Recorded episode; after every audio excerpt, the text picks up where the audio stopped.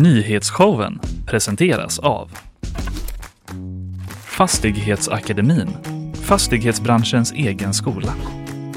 Hej, Kalle Berg här som vill berätta att du som lyssnar på nyhetsshowen nu kan pröva på en prenumeration på gp.se till ett specialpris. Detta som ett litet tack för att du lyssnar. För att prenumerera på gp.se i tre månader för bara en krona, gå in på gp.se testa. Ja men god morgon säger jag helt sonika. Det är måndag, det är den 30 oktober. Nu är det inte långt kvar till november Fanny Viktor. Wow! Wow indeed. Eller? Wow indeed. Idag ska jag prata om Matthew Perry. Känd som Chandler från Vänner självklart. Eh, Han har ju gått bort. Så är det. En nyhet som drabbade mig. Vad ska du prata om? Jag ska prata om en flygplats i Dagestan som stormades av en arg mobb i jakt på judar. Just det, och eh, vi får en gäst idag också. Det är Isabelle Kirenbäck som är professor i statsvetenskap eh, på Göteborgs universitet. Hon är också gästprofessor faktiskt på Hebreiska universitetet i Jerusalem. Eh, Det nämner jag för att hon är expert på israelisk inrikespolitik bland annat och vi ska prata eh, om det kan man säga men också om den senaste händelseutvecklingen kring gisslan som hålls av Hamas då bland annat och lite om Benjamin Netanyahu också, premiärministern. Vem är han? Hur hanterar han detta? Vad är hans mål och eh, hans eh, bakgrund kan man väl säga. Eh, sen blir det bakvagn. Var du där Fanny? En räv som leker med barn. Mm. Eh, världens godaste ost. Ja. är korad. Och eh, zombies som jagade löpare i Lund. Ett underbart varierat utbud. Eh, Jag har lite om att nästan 27 000 bhar har stulits i Göteborg. Oj. Ja, och om att man hittat en ny skräckfisk i Uppsala. En utdöd men ändå. Ja, skönt. Kanske lite om internbråket i Fridays for Future också om vi hinner med. Mm. Ja, de bråkar lite där. Hur har helgen varit då? Eh, lång. Långa. Men nu är den över, Nu är den äntligen! Äntligen är vi tillbaka. Det är verkligen vårt utlopp för social kontakt. Ja, verkligen. Ja. Men annars blev jag ju nästan påkörd här utanför huset i morse. På livsfarliga Polemsplatsen. Ja, Eller vad fan. Åkarplatsen. Ja. Alltså jag tror inte lyssnarna kanske inte har varit vid Åkerplatsen för det Nej. finns liksom inte riktigt någon anledning att gå förbi bussarna i alla fall. Men jag tänker att GP-huset. Enda liksom, uppfattningen man har om det är ju att vi pratar om det lite då och då. Ja, men det är för att det är den sämst planerade platsen för trafik Ja. i hela Göteborg och då är den ganska nyligen planerad. Allt går där. Allt går bussar, där, alla bussar, spårvagnar, spårvagnar, det är typ bilar. taxi, liksom. Ja, alla som rush. satt i centralen. Det är livsfarligt Folk att cyklar eh, som jävla galningar. cykla som galningar Ja. och det är med livet som insats som man tar sig till jobbet varje dag. och när vi kommer så tidigt, då brukar det ändå vara förhållandevis lugnt. Ja, Nej, blev nästan överkörd på ett övergångsställe. vi är glada att du är här Fanny. Jag gjorde sån, "Ah!" Vadå, vadå? som du vet, när man blir arg på bilen. Aha, en liten sån, eh, typ kom då nästan. Ja, kom då. Kom då. Håll mig inte. Håll Men mig inte. sen sprang jag därifrån.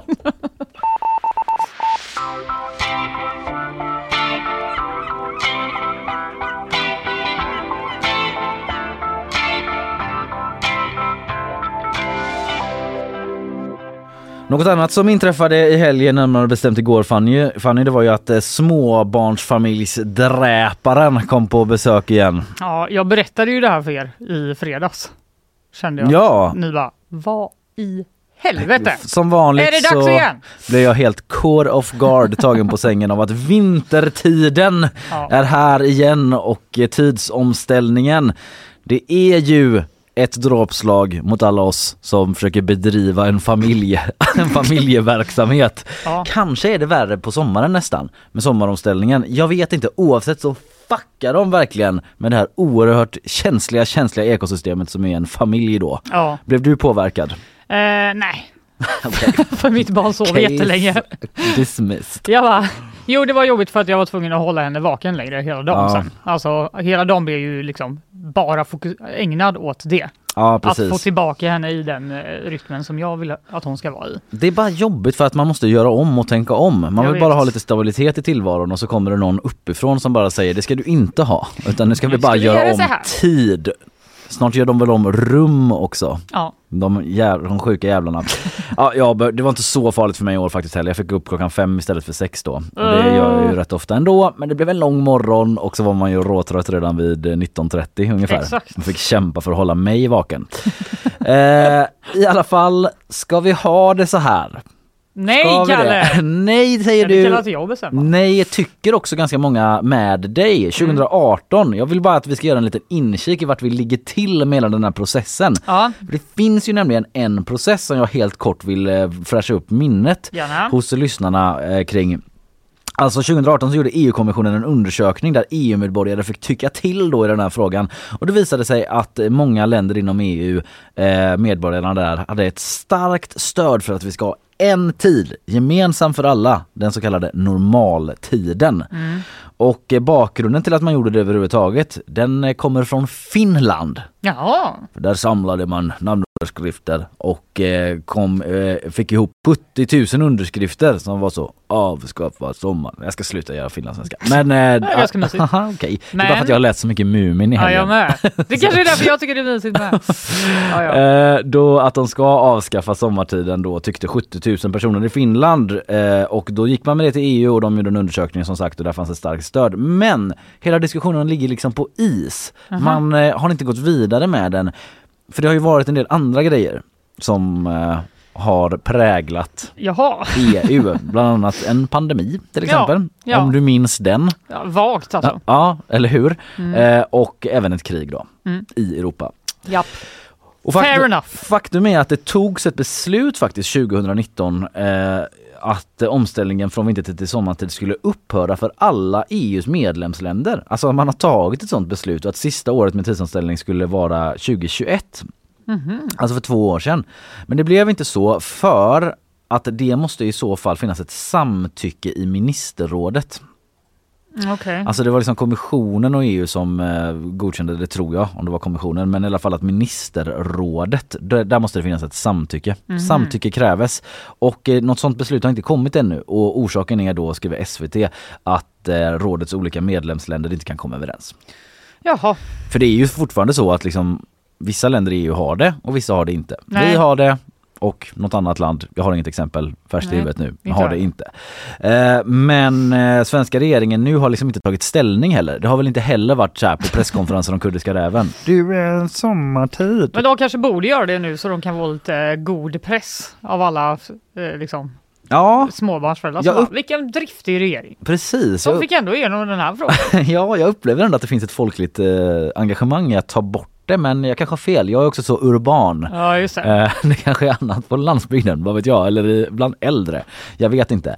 Eh, Tom, Thomas Eneroth som var infrastrukturminister tidigare då, runt 2018 där, eh, han var försiktigt positiv som han sa till att slopa tidsomställningen. Det skriver DN men ja, nu så vet man inte riktigt vart den nya regeringen står. Eller det har i alla fall inte varit en aktuell fråga liksom. Nej. Eh, 2018 så gjorde regeringen då en kartläggning om det här. Alltså hur ska det gå? Vad händer då om vi gör det? Är det bara att ta bort eller kommer det bli ginormous consequences? Som man säger. Rapporten eh, kom fram till att tidsomställningen har en liten påverkan på samhället och de effekter som kunnat konstateras är övervägande positiva, skriver SVT. Enligt Okej. den rapporten. Ja. Positiva effekter på folkhälsan men även energiförbrukningen påverkas eftersom man skulle göra, över med, eh, göra av med 1% mindre el om året till följd av att ha bara sommartid. Jaha. Jag blandar ju alltid ihop eh, vad det är som händer. Ah, Vad blir längre, eftermiddagen eller morgonen? Men, Men nu, nu blir det väl, eh, nej. nu blir det väl ljust tidigare va? Eh, ställer man inte... Jo för när klockan var fem och man gick upp så är den egentligen sex ju. Igår. Ja, just det. Och då måste det bli ljus tidigare men det är också mörkt, Mörkt tidigare. Och det är det som är så tidigare. jävla dumt för man vill ju ha ljus på eftermiddagen. Nu är det jag personligen typ lite så släpper eh, min neutrala ståndpunkt som jag ändå brukar försöka stå i. Men Ja. att eh, man vill ändå ha mer ljus på eftermiddagen liksom. Jag håller med. I alla fall, eh, det fanns eh, även eh, negativa saker då. Att det kan orsaka sömnstörningar, rubba dygnsrytm rytm och kan innebära hälsorisker. Det finns forskare som SVT snackat med som liksom säger att det hade varit ett jätteexperiment med vår hälsa. Det Mm. säger Arne Loden som är på Stressforskningsinstitutet att det finns massa effekter som vi liksom inte vet ännu. Särskilt Aha. politiker och gemene man. Can't even begin to comprehend the Det låter ju faktiskt consequences. svinobehagligt tycker jag. Mm. Eh, men det är ju för att man inte har, kanske har eh, forskat på det tillräckligt då. Nej. Eh, det enda jag vet är att det fuckar med mitt liv varenda jävla år, år efter år, Word. efter år.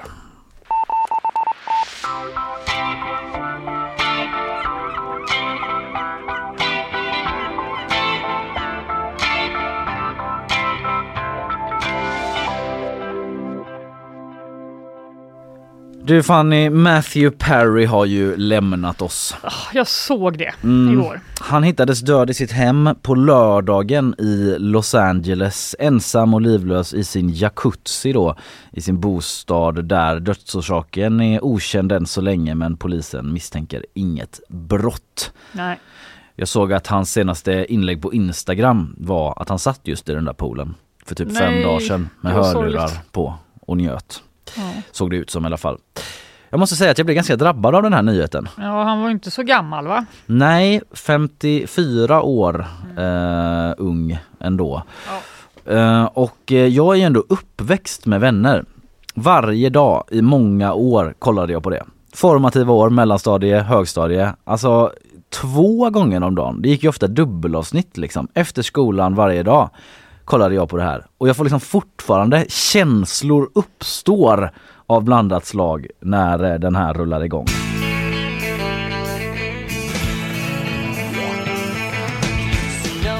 Blir ju eh, glad. Alltså den är ju ganska positiv ändå. Det är den. Uppåt. Jag, jag blir glad men jag drabbas också av ett vemod för att jag vet inte, det var typ via vänner som man första gången såg så olika kärleksrelationer skildras. Och det Ja, var. We were on a break och folk blev ihop och det Ja, var liksom det. Hjärta och smärta också mitt i alltihop. För liksom en eh, mellanstadiekille som inte stött på det här så mycket. Ja, det var så du lärde dig om livet Kalle. Ja, väldigt amerikanskt uppfostran. Du bara, när ska jag gå ner på kaféet Ja, när jag och var, träffa min kärlek? Precis, eh, och när jag var liten så trodde jag ju också att det var Chandler då, alltså Matthew Perrys rollfigur som sjöng den här låten, vilket det ju inte är. Varför tror du det? Ja men för att jag tyckte liksom att eh, det lät lite som honom, men det var bara jag som trodde det. Lyssna nu när det kommer igång. Det var bara jag som trodde det helt enkelt, men det var det ju inte. Nej. Matthew Perry blev i alla fall känd då som vi alla vet som lyssnar tror jag eh, för Chandler, hans eh, rollprestation där i Vänner. Han Emmy-nominerades för den 2002 för övrigt. Han var ju liksom den roliga i gänget, skämtaren, den sarkastiske cynikern som ingen visste vad han jobbade med och som gick från liksom osäker kompulsiv, eh, kompulsiv skämtare, omöjlig att ha och göra med i en liksom uppriktig relation till att bli eh, man och pappa och typ lite gängets trygga punkt sådär.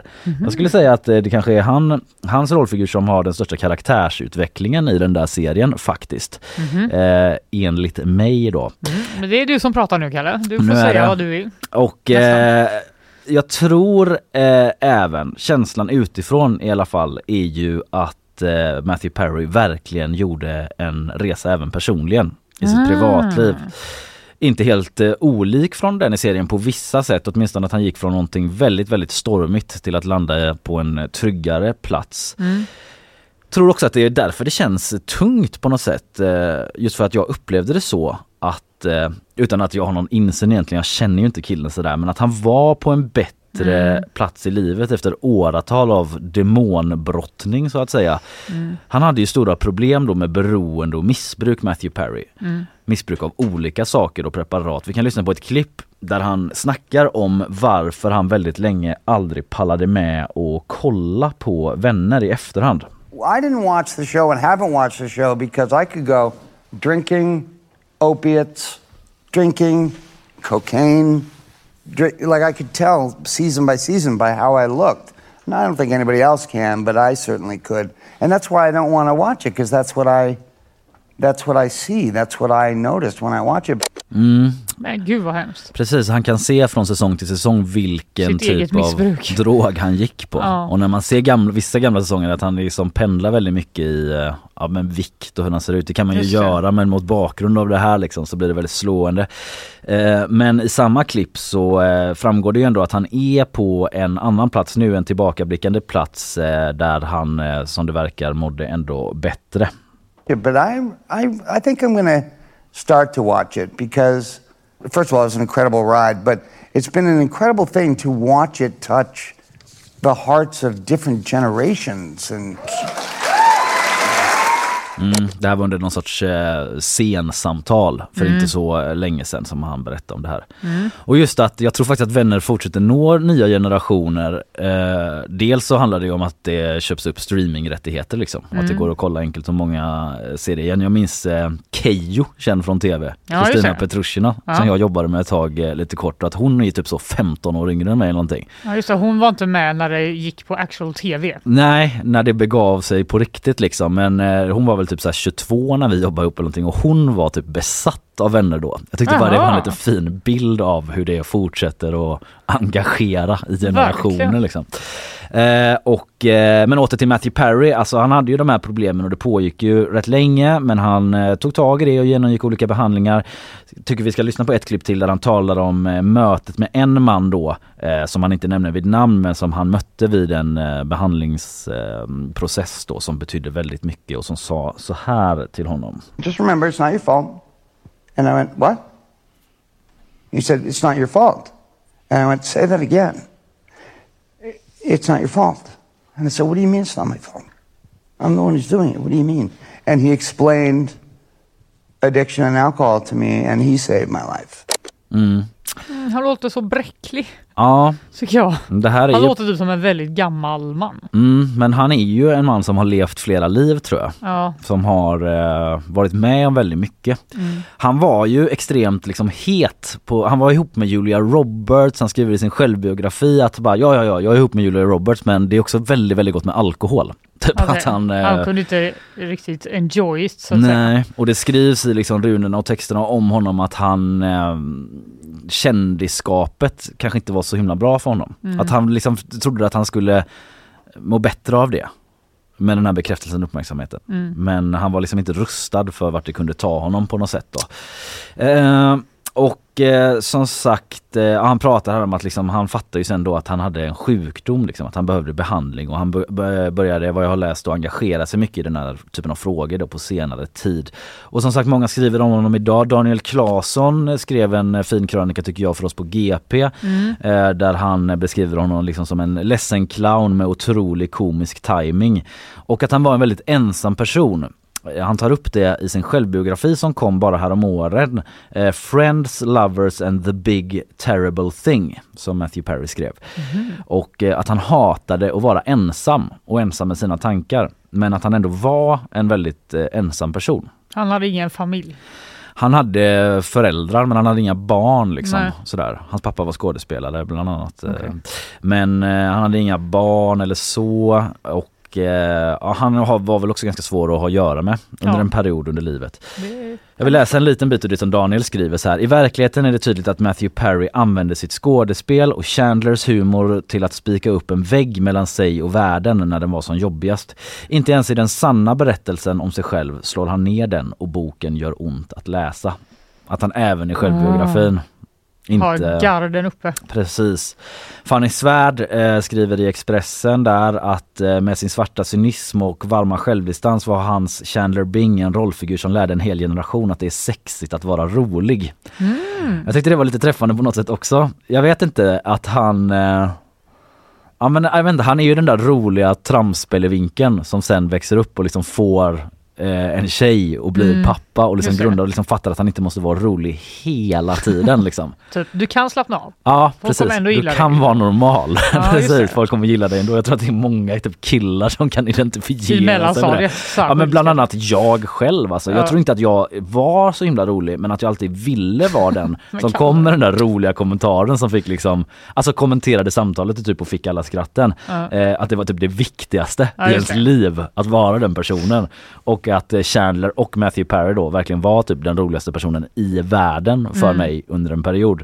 Och eh, det är ju någonting med han hela tiden så roastar de andra vännerna i Vänner, Mm. vilket man själv gjorde under en period. Vilket man tack och lov har slutat med för det är en ganska jobbig Fy, vad jargong att ha. Ja, det var vissa så här bekanta som jag bara umgicks med genom och så att man skulle dissa varann. Skitjobbigt. Alltså tänker på det ofta, hur skönt det är att slippa vara ung. Ja. Av den anledningen Ja, typ. att man landar lite grann. Man Vilket, ska umgås med mina kompisar? "Ah!" Typ Absolut eh, roastad dygnet. Måste vara lika kvick tillbaka. kommer liksom laddad med efteråt. nytt material så. ja men eh, den resan har man ju gjort lite grann likt Ja. Chandler då.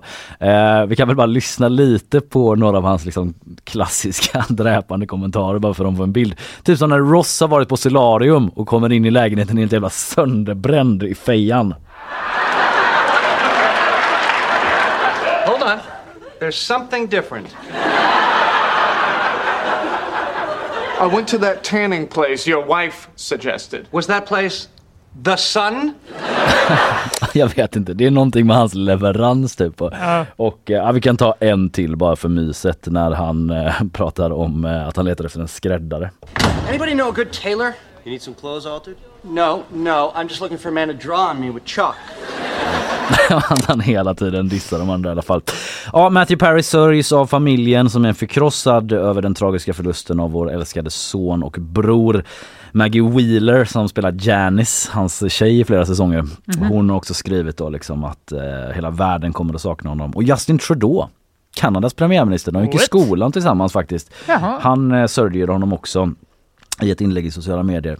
Kanske fel av mig att utkräva någon sorts ansvar där men jag har varit inne och ganska frekvent scrollat på den övriga vänner eh, också. Instagram. Men eh, Bara selfies och, på, på dem. ja, jag har inte sett några inlägg om Matthew Perry eh, än så länge. Vi får väl se.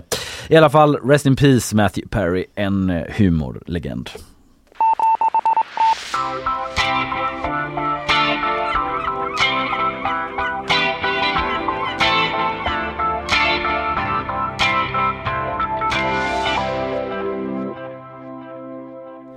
Ja, vi eh, ska få eh, ett nyhetssvep om en liten stund eh, och sen ska du tala också om den här mobben på en flygplats i Ryssland. Japp, så är det.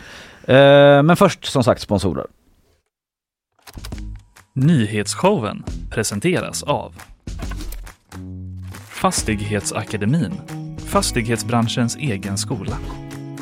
Hej, Kalle Berg här som vill berätta att du som lyssnar på nyhetsshowen nu kan pröva på en prenumeration på gp.se till ett specialpris. Detta som ett litet tack för att du lyssnar.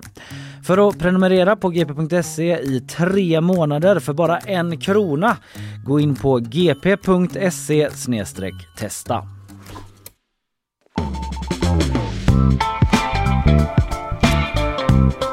Nyhetsshowen 30 oktober. Isabella Persson är framme eh, vid eh, mikrofonen. Hemkommen från eh, Västerås då. Mm, jag har sett lite fotboll i helgen. Där Västerås blev klara för allsvenskan i helgen när de slog Gais med 2-1. Ja. Det Var måste det varit- fest? ja, det var fest. Det var, det var en eh, riktigt god stämning. Det var helt, helt slutsålt. Alltså det var så mycket folk på den där arenan. Och de sprang in på plan och grejer och Ja. firade och sånt där. Gjorde du det? Nej, jag stod kvar på läktaren. Vill bara kolla. Var det liksom såna Västerås eh, Hall of Fame personer där? Loop Troop, inte de därifrån eller så här, promo sprang in och bara Love, don't, du love the han- player, love the Du game. vet att han har klippt av sitt hår så du skulle inte känna igen Ja honom. just det, jag har skaffat ett jobb ja. ja Just jo. Ja. Nej, jag såg inte så många tyvärr. Eh, men de var nog där. De var säkert där. Vi släpper det Isabella, för nu är det dags för ett nyhetssvep. Eh, varsågod. 33 lastbilar med nödhjälp har under gårdagen kört in i Gaza. Bilarna ska vara lastade med mat, vatten och medicin och körde igår kväll över gränsen Rafah i Egypten för att bistå med humanitär hjälp till de boende i Gaza. Konvojen med hjälp är den största som kommit in sedan man öppnade gränsen för bistånd för drygt en vecka sedan. En tågolycka inträffade igår i sydöstra Indien. Ett tåg ska ha kört in i ett annat som stod still och det resulterade i att minst tre vagnar spårade ur. Minst 13 personer har dött och runt 50 skadats i olyckan som tros ha berott på den mänskliga faktorn. De senaste åren har man förstärkt säkerheten på tågbanorna i landet med satsningar på infrastruktur och teknik men tågolyckor är fortfarande vanliga. I juni inträffade bland annat en av de värsta olyckorna i landets historia då 280 personer dog. Nya Hovås och Masthuggskajen. Det är områden där priserna kan komma att rusa på bostäder när marknaden vänder. Det spår i alla fall mäklare i Göteborg. Anledningen att de här områdena pekas ut är att många gärna vill bo nytt och fint. Båda områdena består just till stora delar av nyproduktion och har utvecklats eller till och med byggs upp just nu. Det som också lyfts med de här områdena är att det redan finns en uppbyggd service runt områdena med gym, kaféer, affärer och restauranger. Det säger mäklaren Christian Lundin, VD på Lundin Fastighetsbyrå. Mm. Många vill bo nytt och fint. Ja, eller hur? Hur kafétätt är det nere vid Masthuggskajen egentligen? Just nu är det väl bara skal av kommande Ja, byggnader. Men ändå- det, det kommer säkert bli Ja. jättemycket kaféer där. Ta sig en bit så- inlanden då för att gå på en restaurang Alltså, där det är ju inte Andra Långgatan typ. Ja men det är ju inte långt. Nej, det är inte Får gå långt. två gator in. Ja. Nej, det orkar jag inte. Då kan det vara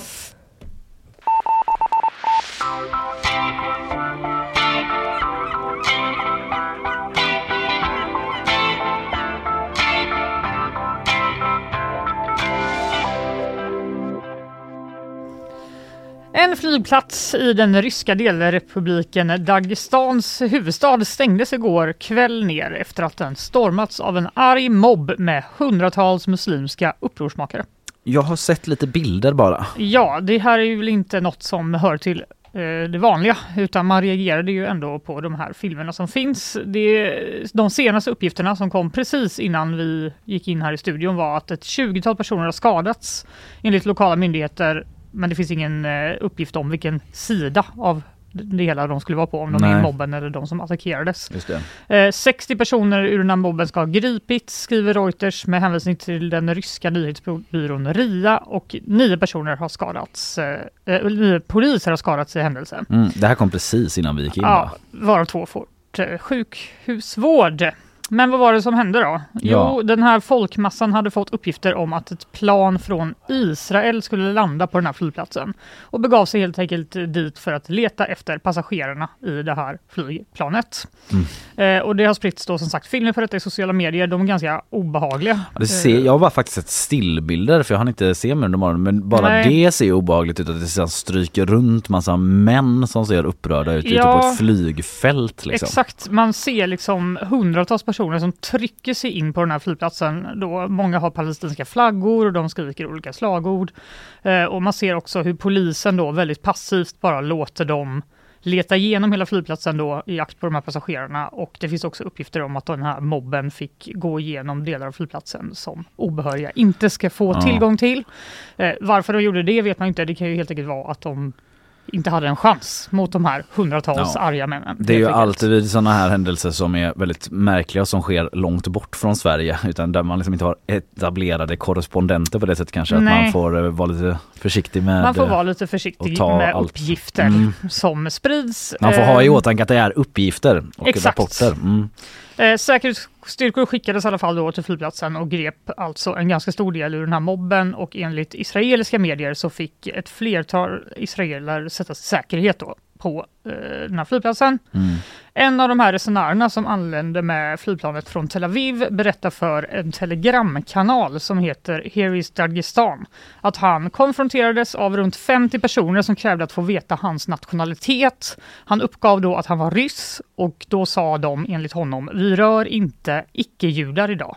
Mm. Och sen lät de honom då passera. Ja. Eh, en person som inte var där men som har eh, tagit del av eh, då, uppgifter från den här flygplatsen är Maria Persson Lövgren som är Rysslandskorrespondent på Sveriges Radio. Och hon beskriver då en scen från den här flygplatsen igår.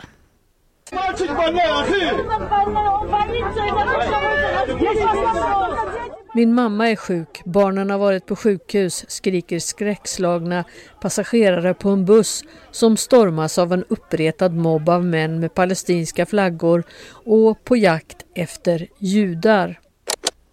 Enligt eh, Maria Persson Löfgren så lyckades de här männen ta sig ut på landningsbanan. Det finns det också massa filmer på. Mm. Men, och de sprang fram till det här planet då som ska ha landat från Tel Aviv. Men när de inte lyckades ta sig ombord på planet så omringade de en buss Eh, där det mest ska ha funnits kvinnor och barn då.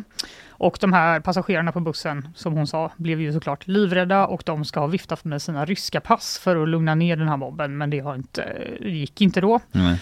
Eh, obehagliga scener helt enkelt. Eh, och på Telegram så manade då de lokala myndigheterna mobben att upphöra med olagliga handlingar och inte ge vika för provokationer. Och eh, vid nio tiden igår så uppgav även det ryska luft, luftfartsmyndigheten att alla obehöriga personer hade avlägsnats från eh, flygplatsen då, som kommer att hållas stängd till den 9 november. Okej. Okay det lokala styret i Dagestan de har uppgett att man stärker säkerhetsåtgärderna i hela delrepubliken nu, rapporterar The Guardian, och att man har startat en utredning rörande våldsamt upplopp.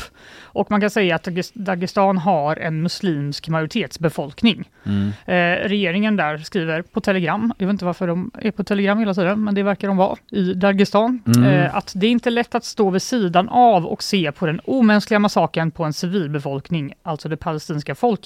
Men att invånarna i delrepubliken inte ska ge efter för provokationer och inte ska skapa panik i samhället. Okej. Även Dagestans ledare Sergej Meikelov fördömer den här händelsen. Det finns inget mod med att som, som mobb gå på obeväpnade människor som inte har gjort något olagligt, skriver han på Telegram.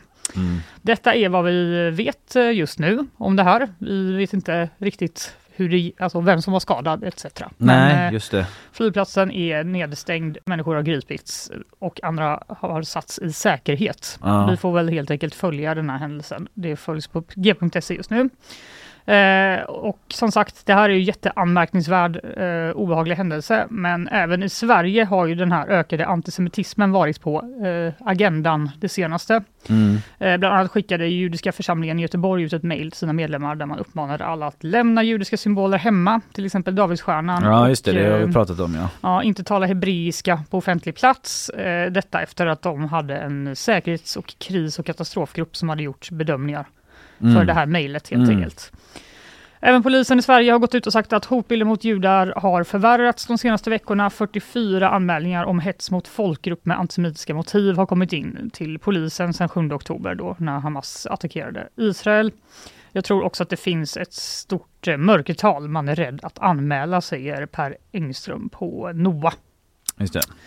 Men eh, det har också riktats åtgärder från politiskt håll, som det brukar göra. Va? Mm. Regeringen gav i förra veckan ett extra stöd på 10 miljoner till Judiska centralrådet som de ska använda då för att öka säkerheten vid synagogor och judiska skolor. Och igår var Parisa Liljestrand, vår kulturminister, i Agenda för att diskutera då vad hon vill göra åt den här ökade antisemitismen.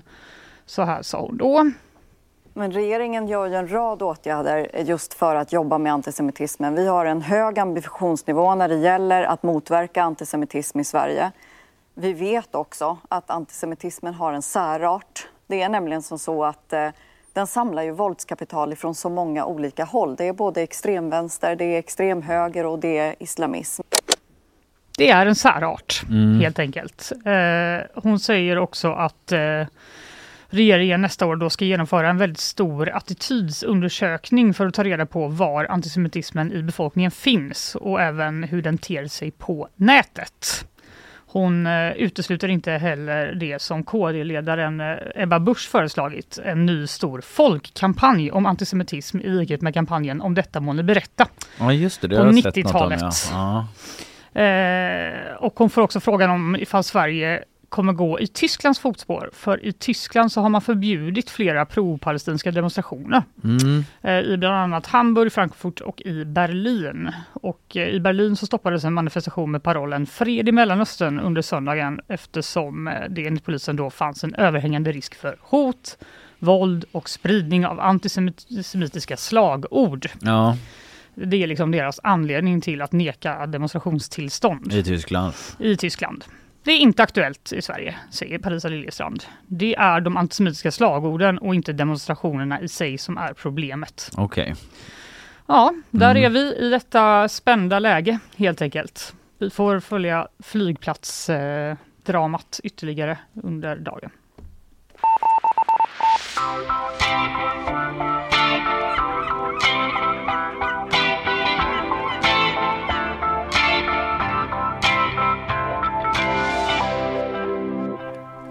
Ja, vi får besök om en liten stund. Det är Isabelle Kirenbäck som är professor i statsvetenskap och forskar kring eh, israelisk inrikespolitik eh, bland annat. Eh, vi ska prata lite om senaste nytt kring helgens upptrappning kring markoffensiven i Gaza som ju inletts och Netanyahu, premiärministern i Israel, höll ju en presskonferens i helgen också där han skulle ville förbereda folk på att kriget kommer bli långt och svårt. Mm. Prata lite om Netanyahu och eh, hans eh, vem politik. han är och hans politik. Ja. Mm.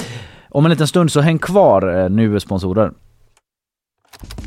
Nyhetsshowen presenteras av Fastighetsakademin, fastighetsbranschens egen skola. Hej! Kalle Berg här som vill berätta att du som lyssnar på nyhetsshowen nu kan pröva på en prenumeration på gp.se till ett specialpris. Detta som ett litet tack för att du lyssnar. För att prenumerera på gp.se i tre månader för bara en krona, gå in på gp.se testa. Det är ju nyhetsshowen som det här programmet heter som eh, du som lyssnar lyssnar på. Mm. Och eh, du heter Fanny Wik och jag heter Kalle Berg. Ja. Och det är gästdags. Eh, vi ska prata om konflikten mellan Israel och Hamas. Den fortsätter ju alltjämt. I helgen trappade Israel upp sin markoffensiv och marknärvaro i Gaza och premiärminister Netanyahu säger att de är beredda på att kriget blir långt och svårt som han sa under en presskonferens i helgen alltså.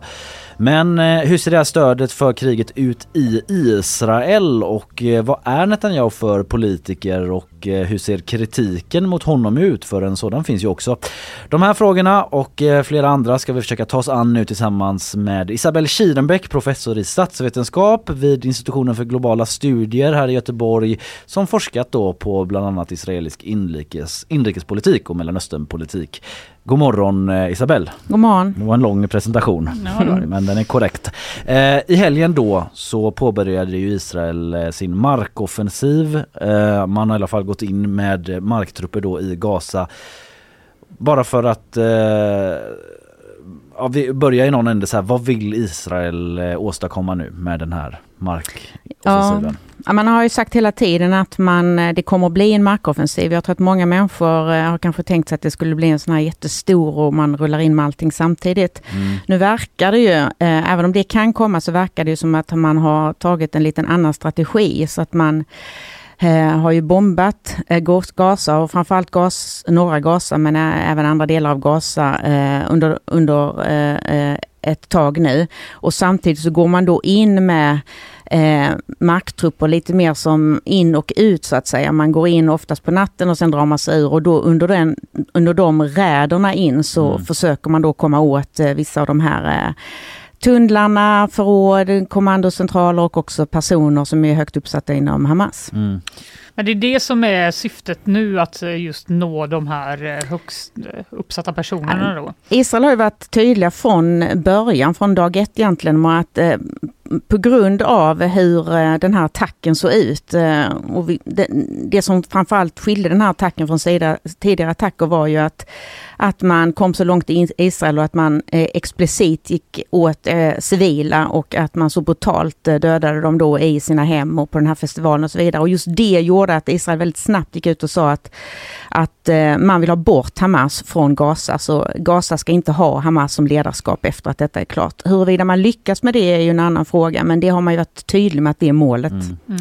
Vad tror du då, eh, om man då lyckas med det, hur nu ett sånt lyck hur mm. det nu skulle se ut. Mm. Eh, vad tror du händer sen? Liksom? Kommer man ockupera Gaza eller delar av Gaza permanent? Svår fråga kanske, men liksom, vad, vad sker efter det? Ja, det är ju många som frågar sig det och även amerikanerna har ju frågat sig det i samtal med Israel. Det har kommit fram att det har varit att man vill ha någon form av eh, eh idé eller tanke om hur, hur eh, vad som ska ske med Gaza efter det och det, det finns inget svar på det. Ingen har eh, riktigt eh, förmedlat från eh, israelisk militär eller israelisk politisk ledning hur det ska se ut. Man pratar bland annat om eh, delockupation igen, alltså att vissa delar skulle hållas ett tag. Eh, man pratar om att man skulle kunna tänka sig lämna över det till palestinska myndigheten, alltså den som mm. styr på Västbanken.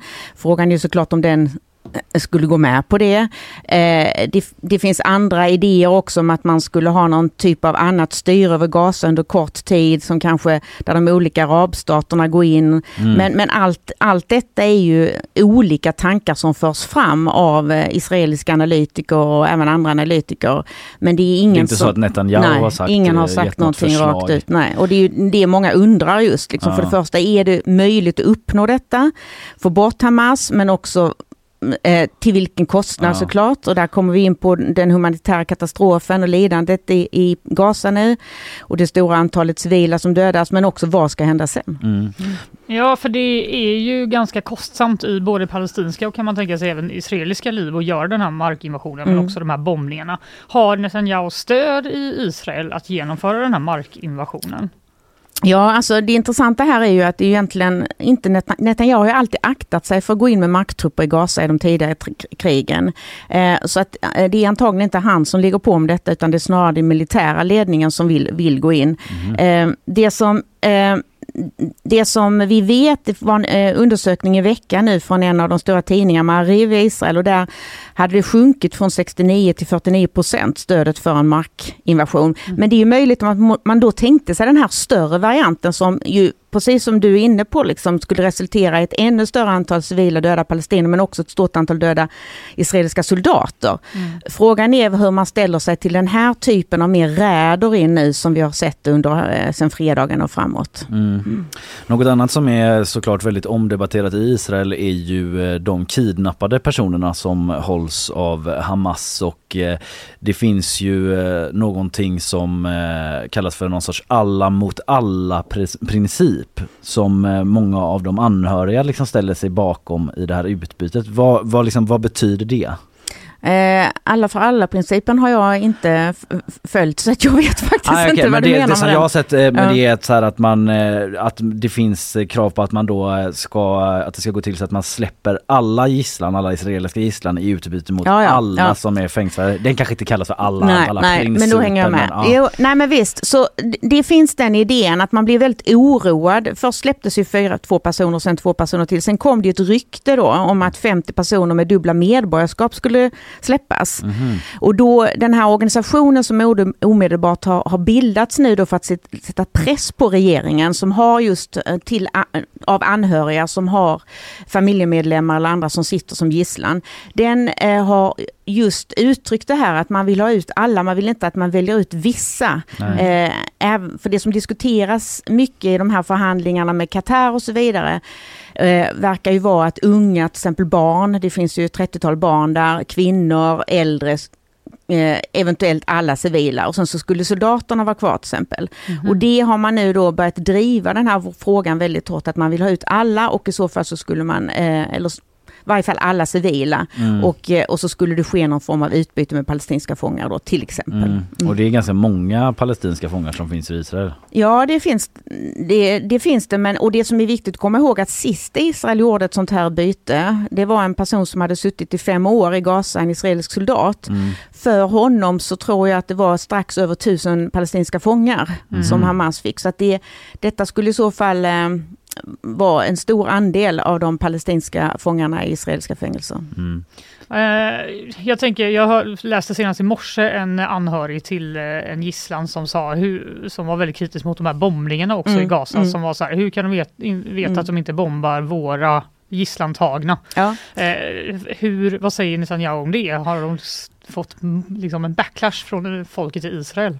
Ja men precis, de har drivit detta väldigt hårt och varit väldigt oroliga. De, har också, de är också extremt upprörda över det stöd, eller snarare brist på stöd de har fått från, från regeringen och, och eh, representanter för regeringen. Och inte förrän denna helgen fick de träffa till exempel försvarsministern och så vidare. Men, mm. men det de framförallt har, det som har hänt nu, vilket är intressant, är att de de senaste dagarna bara så har Eh, bland annat försvarsministern eh, men också Yossi Cohen som är en mm, före detta Mossad-chef och före detta nationell säkerhetsrådgivare gått ut och verkligen sagt att mm, bombningar innebär inte med nödvändighet, innebär inte att vi slutar förhandla om, om gisslan och det, det finns liksom ingenting som står i, alltså bombningar utesluter inte att vi får, får loss gisslan mm. utan vi måste gå in med marktrupper. Så här verkar ske nu någon sorts eh, hantering av den här, som jag tolkar den här gruppen då, när man försöker från militär politisk ledning eh, få dem att och, och, eh, och, och sluta ställa detta mot varandra helt enkelt. Vet man någonting om hur de här förhandlingarna går till? Sitter man på telefon eller finns det någonting Nej, man vet, om det? Nej, det vet man inte men det har ju varit så att Qatar har varit en av de viktiga förhandlarna i och med att de har nära relationer till Hamas.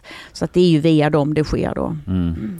Ja, när vi är inne på eh, regeringen här då. Det har ju funnits en eh, kritik mot Benjamin Netanyahu att han eh, har efter attacken från Hamas att han och regeringen var alldeles för dåligt förberedda, förberedda inför den här liksom. Hur, hur ser hur är uppfattningen av Netanyahus sätt att hantera det som har skett? Det är en enorm kritik. Mm. Eh, förtroendet det har aldrig någonsin varit så lågt för eh, Netanyahu som det är nu och det sjunker. Eh, det är, och det är många delar i den här kritiken. Den första kritiken handlar såklart om, om att det överhuvudtaget kunde ske. Mm. och, och där man då också kritiserar Netanyahus hela strategi som man har haft som har handlat väldigt mycket om att närma sig arabstaterna, ingå de här Abrahamavtalen, närma sig Saudi eh, och liksom i försök att kringgå eh, hela frågan kring en palestinsk stat. Mm. Hur då alltså? Att, han... att man inte kräver att, eh, att, han, att man inte har försökt lösa frågan om eh, en palestinsk stat eller sitt, eh, ockupationen innan eller i samband med att, att man tar fram de här avtalen då, att också att arabstaterna inte heller har ställt det som krav. Så att Hamas har hamnat, eller Palestina bara hallå, ja, vi då? Ja liksom. precis, mm. så att det skulle vara en anledning då till att Hamas har, den här attacken handlar mycket om att sätta tillbaks Palestinafrågan på agendan igen, mm. den politiska agendan. Men sen har det varit jättemycket kritik också just kring att det tog väldigt lång tid innan israelisk militär och, och eh, eh politisk ledning reagerade, både när det gällde att ta sig till den här delen av Israel där den här attacken ägde rum, men också stödet till alla evakuerade nu. Mm. Så dels längs Gaza men också eh, uppe i norra Israel har ju eh, eh ett stort antal samhällen evakuerats eh, för att det är på gränsen till Libanon då. Mm. Och stödet till, det, till dem har, har också kritiserats att det har varit för dåligt men också att det inte har funnits någon direkt kommunikation eller väldigt lite av kommunikation mellan, mellan eh, regeringsföreträdare och alla de här anhöriga då till gisslan. Så att här är en rad olika frågor och den fråga som verkligen sticker ut skulle jag vilja säga nu den senaste tiden, det är att väldigt många av de höga cheferna för säkerhetstjänsten till exempel, eh, militär ledning, men även ministrar i den här Netanyahus egen regering har gått ut och tagit på sig ansvaret för det som har hänt. Mm. Men Netanyahu har vägrat göra det. Men han har varit lite inne och nosat på något visst ansvar? Han har eller? sagt, eh, det tog tills i helgen och då gick han ut och sa, eller i fredags var det väl, då gick han ut och sa att det är klart att vi ska så småningom titta, undersöka detta och se mm. vad som har gått fel. Men andra har gjort det väldigt tydligt då och tagit ansvar för det. Men det slår hårt mot hans självbild för han har kallats Mr Security. Ja, och exakt. Saker. Det slår ju extremt. Han har ju varit känd för, eh, precis som du säger, kallas Mr Security för att han har liksom säker, varit den som har kunnat säkra lugn och ro i Israel och säkerhet inom Israels gränser och så vidare. Och sen såklart eh, att han har varit extremt framgångsrik ekonomiskt då, hans mm. ekonomiska Men politik. Men där har han säkrat eh, Israel eh, inom landet, är det liksom via, hur har han gjort det? Ja, men det har ju handlat om att, att, eh, att eh, det på, på, ett, på ett sätt lyckas skifta fokuset bort då, som jag var inne på, från Palestinafrågan och ut mot de här andra samarbeten och att integrera Israel i regionen. Mm. Och, och gjort, eh, den palestinska myndigheten har eh, eh, blivit mer och mer irrelevant och istället så har han också öppnat upp så att till exempel Hamas har haft möjlighet att få pengar via Qatar och det har funnits arbetstillstånd och så vidare. Så han har haft en idé också, inte bara han utan hela den här militärpolitiska ledningen om att man ska, man, man också vill fort, fort, att det är bra med den här splittringen mm. på något sätt mellan mm. palestinska myndigheten och, och Gaza. Men är det också genom så Iron Dome eh, ja, och det, den det, typen av fysiskt försvar också? Ja, det är klart ja. och det är ju inte hans förtjänst med nödvändighet. Men eh, Iron Dome tar ju en stor andel av de här raketerna. Så nu varje dag så skickas det fortfarande raketer från Gaza mot Israel, eh, även mot Tel Aviv och städer som sällan har det annars. Så Iron Dome tar ju om det är 97 procent eller någonting av de här. Annars hade det ju varit förödande för Israel. Mm. Eh, så att, eh, men det som har varit en runda nu kring, kring Netanyahu är ju också att han fortfarande nu försöker lägga ansvaret på säkerhetstjänst och militär ledning. Och senast i helgen i lördag så la han ut en tweet om detta. Mm. Och den tvingades han då ta tillbaks för att oppositionsledaren Gantz, som nu sitter i det här krigskabinettet med Netanyahu, krävde det. Vad stod det där? Ja, det var ju att eh, det är militär ledning och, och säkerhetstjänst och han namngav också personer där som är ansvariga för det som har hänt. Så han försöker medans detta krig pågår samtidigt skiffla över ansvaret för att såklart han tänker framöver. Det kommer att vara en kommission, det kommer att vara en utredning. Eh, och, och det har han fått enormt hård kritik mot och igår gick en för detta militär ut och sa att han tycker att eh, Netanyahu borde avgå. Mm. Kommer det, finns det någon chans att han kommer avgå? Jag har svårt att se att han kommer avgå under kriget. Mm. Eh, men det kommer naturligtvis att bli en stor utredning och eh, en kommission kommer att tillsättas. Och jag tror att väldigt många av de som sitter i ledningen kommer att tvingas avgå eller avgå frivilligt. Men det kommer inte Netanyahu göra. Han kommer att kämpa mm. för att få sitta kvar. För han är ju verkligen en politisk spelare som mm. är gammal i gamet. Han mm. Eh, blev ju premiärminister första gången 96. Eh, alltså hur skulle du beskriva honom som politiker? Lite längre historiskt perspektiv. Ja, nej, han är ju en politiker som är eh, älskad nästan. Han kallas ju kung Bibi, eh, mm. Benjamin Bibi, Bibi ja. i Israel och han är extremt eh, populär då bland de som röstar på honom eller har varit. Mm. Det tryter lite nu och sen har han varit lika icke-populär och avskydd bland de som inte röstar på honom. Så han har ju lett till, det har blivit en väldig polarisering kring just Netanyahu ja, innan i Israel. Hamas attack, precis innan, så var det ju väldiga protester i Israel. Ute på gatorna. Och... Ja, precis. För att det som hände var ju att Netanyahu också under alla de här åren, han är ju den längst sittande premiärministern i Israel och under de här åren så har han också gjort sig ovän med stort sett alla andra eh, eh, partiledare. Så att när han vann valet igen nu då i i november så eh, fick han, det enda han kunde bilda regering med då så att säga var ju då eh, de religiösa sionisterna, högerextrema partier förankrade i bosättarrörelsen och sen ett antal ultraortodoxa djupt religiösa mm. partier. Så att han fick ju därmed också en extrem regering på många sätt. Eh, mm. Även hans eget parti splittrades för några år sedan eh, på grund av att man, man, det var kamp om partiledarposten. Mm. Så att han är han är också väldigt mycket mer populistisk än om man jämför med hans tidigare, alltså Likud, det här partiet han företräder, de har ju haft ledare som Olmert till exempel och Ariel Sharon och sådana och de har inte varit populistiska på samma sätt utan han har en helt annan ledarstil också än de tidigare ledarna. Mm. Mm. Men på tal om tidigare ledare för att han klev ju liksom in på arenan, inte omedelbart efter men liksom strax efter Yitzhak Rabin som ju eh, fick Nobels fredspris och det var de, de här tiderna kring Osloavtalet att man eh, var ganska nära en tvåstatslösning mm. eller man har väl aldrig varit närmare ändå. Eh, sen kommer Netanyahu efter den sedermera in på arenan då liksom.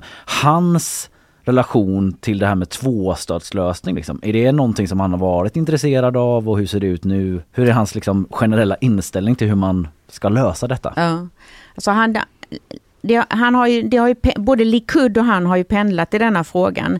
Men det är ju fortfarande så att eh, delar av Likud eh, eh, talar om en tvåstatslösning ibland. Eh, representanter, representanter för dem. Men, I hans parti alltså? Ja, ja. men mm. samtidigt så är det ju så att, eh, inte minst med tanke på att de sitter med de religiösa sionisterna nu, som ju är för en annektering och det finns också delar av Likud högerfalangen inom hans parti som absolut är där eh, eh i, i, inne på det också. Så eh, det har man kan säga så här att när Ariel Sharon en, en lämnade, han var ju den premiärminister som satt när man drog sig tillbaka från Gaza, mm. Israel. Eh, då blev det en väldig uppgörelse inom det partiet och Ariel Sharon lämnade ju Likud för att han eh, ville fortsätta driva, eller han ville att den här tvåstatslöstanken ändå skulle finnas kvar. Och efter det så har det ju Likud dratt mer högerut definitivt när det gäller denna frågan. Mm. Om vi spolar fram, eller Fanny förlåt. Nej. Eh, till eh, mer eh, idag då. Mm. Alltså vi eh, talade ju här Isabella under nyhetssvepet om att det är humanitär hjälp Mm. kommer in lite grann här nu då. Eh, men det finns ju liksom en stor opinion runt omkring i världen att så här, hallå kan vi göra mer för att få in mer humanitär hjälp eh, Israel, Netanyahu? Eh, hur ser eh, Netanyahu och regeringen på det, liksom, möjligheten till att ännu mer, göra ännu mer för att eh, undsätta civila i Gaza? Jag tror att den här gången så är både den israeliska regeringen och även det israeliska folket, de, dels så förbereder man sig för en mycket längre, ett längre krig än tidigare. Man kallar det ju också krig just. Eh, och och man, eh, den här gisslansituationen gör också att man är villig att pressa Hamas mycket längre. Och eh, det, det, det vi ser ett exempel på nu är ju en sorts av förhandling att man vill pressa Hamas till att gå med på att släppa gisslan till exempel och man vill komma åt Hamas samtidigt som det här eh, humanitära, eh, humanitära katastrofen pågår. Och det är just det här att man vill garantera från ett israeliskt perspektiv så, så vill man, det är liksom parallellt med att man vill pressa Hamas till eftergifter, så har man eh, den här humanitära katastrofen och, och den internationella påtryckningarna som ni är inne på att förhålla sig till. Så småningom kommer ju Israel att tvingas gå med på mer och mer av detta, men äh, mer och mer av humanitär hjälp såklart. Men frågan är hur länge de kan stå emot det och frågan är också vilka försäkringar, de vill ju ha försäkringar till exempel av att den humanitära hjälpen inte kommer Hamas till gagn. Ja. Så att det är den typen av förhandlingar som pågår just nu och eh, eh, De har ju hamnat i någon sorts konflikt med FN eh, i hur man ser på det till Ja exempel. absolut Ja. och detta är ju eh, oerhört svårt att lösa. Mm. För att eh, det är eh, eh, en israelisk eh, militär och politisk ledning med ett land som befinner sig i chock och man vill verkligen få ut Hamas från Gaza och uppfylla och samtidigt så vet man då att civila befinner sig i det här området och jag tror att eh, ett sätt att se på det är att normalt sett så så förändras den israeliska opinionen ganska snabbt också när det gäller både palestinskt le- civilt lidande och antalet israeliska soldater s- som Mm. dör. Men jag tror att den här sträckan nu är betydligt mycket längre för vad man kan stå, stå ut med. Så att även om det, eh, om det internationella samfundet ligger på här så, så ser vi ju verkligen att, eh, att eh, de här två eh, synsätten, de Israelerna är väldigt tveksamma fortfarande till att, att eh, släppa på för mycket av den här humanitära hjälpen på grund av att de ju samtidigt då utkämpar ett krig mot Hamas. Mm. En utveckling som eh, vi på Göteborgs-Posten och eh, du Isabelle Kirenbäck naturligtvis fortsätter att följa. Professor i statsvetenskap vid institutionen för globala studier och även gästprofessor vid Hebreiska universitetet i Jerusalem är du ju. Och stort tack för att du kom hit idag Isabelle Kirenbäck. Tack så mycket. Yes, vi ska få en eh, utblick eh, snart med Isabella då, eh, lite vad som händer i nyhetsflödet utanför den här studiomiljön som vi ändå är så bekväma i Fanny. Ja. Men ibland vill man också blicka ut. Ja, det vill man Vad faktiskt. pågår där ute? Innan vi gör det med Isabella så tar vi ett meddelande från sponsorer. Nyhetsshowen presenteras av Fastighetsakademin, fastighetsbranschens egen skola. Hej, Kalle Berg här som vill berätta att du som lyssnar på nyhetsshowen nu kan pröva på en prenumeration på gp.se till ett specialpris. Detta som ett litet tack för att du lyssnar. För att prenumerera på gp.se i tre månader för bara en krona, gå in på gp.se testa.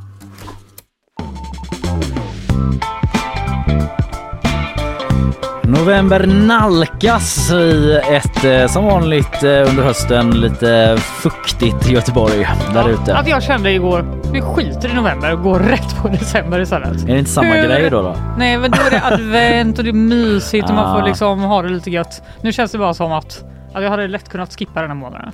Ja, eh, lite så kan man faktiskt känna. Eh, något som jag absolut inte vill skippa är ju en nyhetsuppdatering från Isabella. Vi ska börja i Göteborg just. Det ska jag. Det har varit eh, bråk i natt på Avenyn. Jaså? Efter Skräll? Nej, ska bara. Ja. Det är väl eh, det är ibland. Men det, här är något specifikt ja. Mm. Mm, Ja men det som är, jag reagerade på först var då att det ska brutit ut efter en halloweenfest. Jaha. Och då tänkte jag halloweenfest på en söndag. Vem är ute och festar nu? Ja, det låter Så. konstigt tycker jag. Men är det alla som jobbar hotell och restaurang? Nej jag ska inte säga det. Jag, jag ska inte säga någonting om det här, vad som har hänt. Det, jag har ingen aning om det. Nej, det är jag bara tänker att det är de som brukar festa på söndagar. Ja, så är det. Men det är höstlov. Såklart, ja. Så det är mycket ungdomar ute, säger polisens stressreception eh, Thomas Wuxborg till oss. Och de här Ah, två ja, ja. bråken då, det, ett ska ha skett vid ett-tiden i natt.